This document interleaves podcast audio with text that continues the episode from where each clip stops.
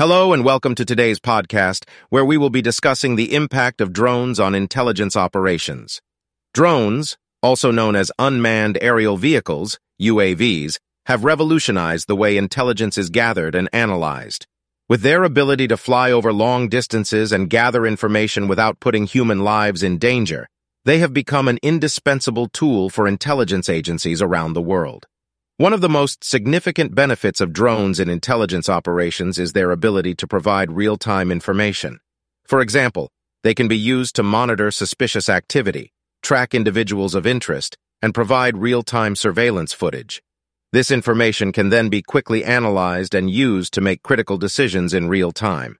The ability to gather real-time intelligence has been particularly useful in conflict zones, where intelligence is needed to make decisions about the deployment of troops and other resources. Another key benefit of drones in intelligence operations is their versatility.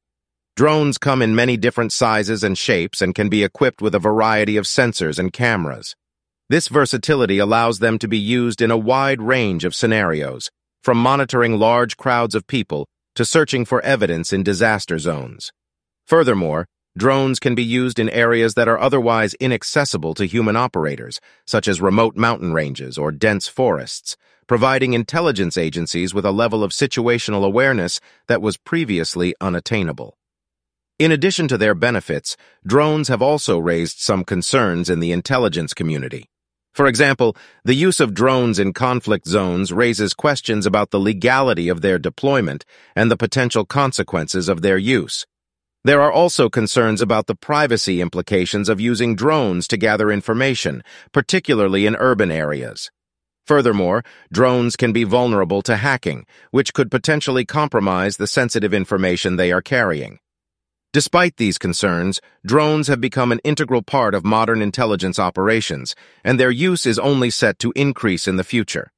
As technology continues to advance, drones will become even more versatile and capable, providing intelligence agencies with even more options for gathering and analyzing information. In conclusion, drones have had a profound impact on intelligence operations, providing real-time information, versatility, and situational awareness that was previously unattainable. While there are certainly concerns about the use of drones, their benefits cannot be ignored and they are likely to play an even larger role in intelligence operations in the future. Thank you for listening to today's podcast.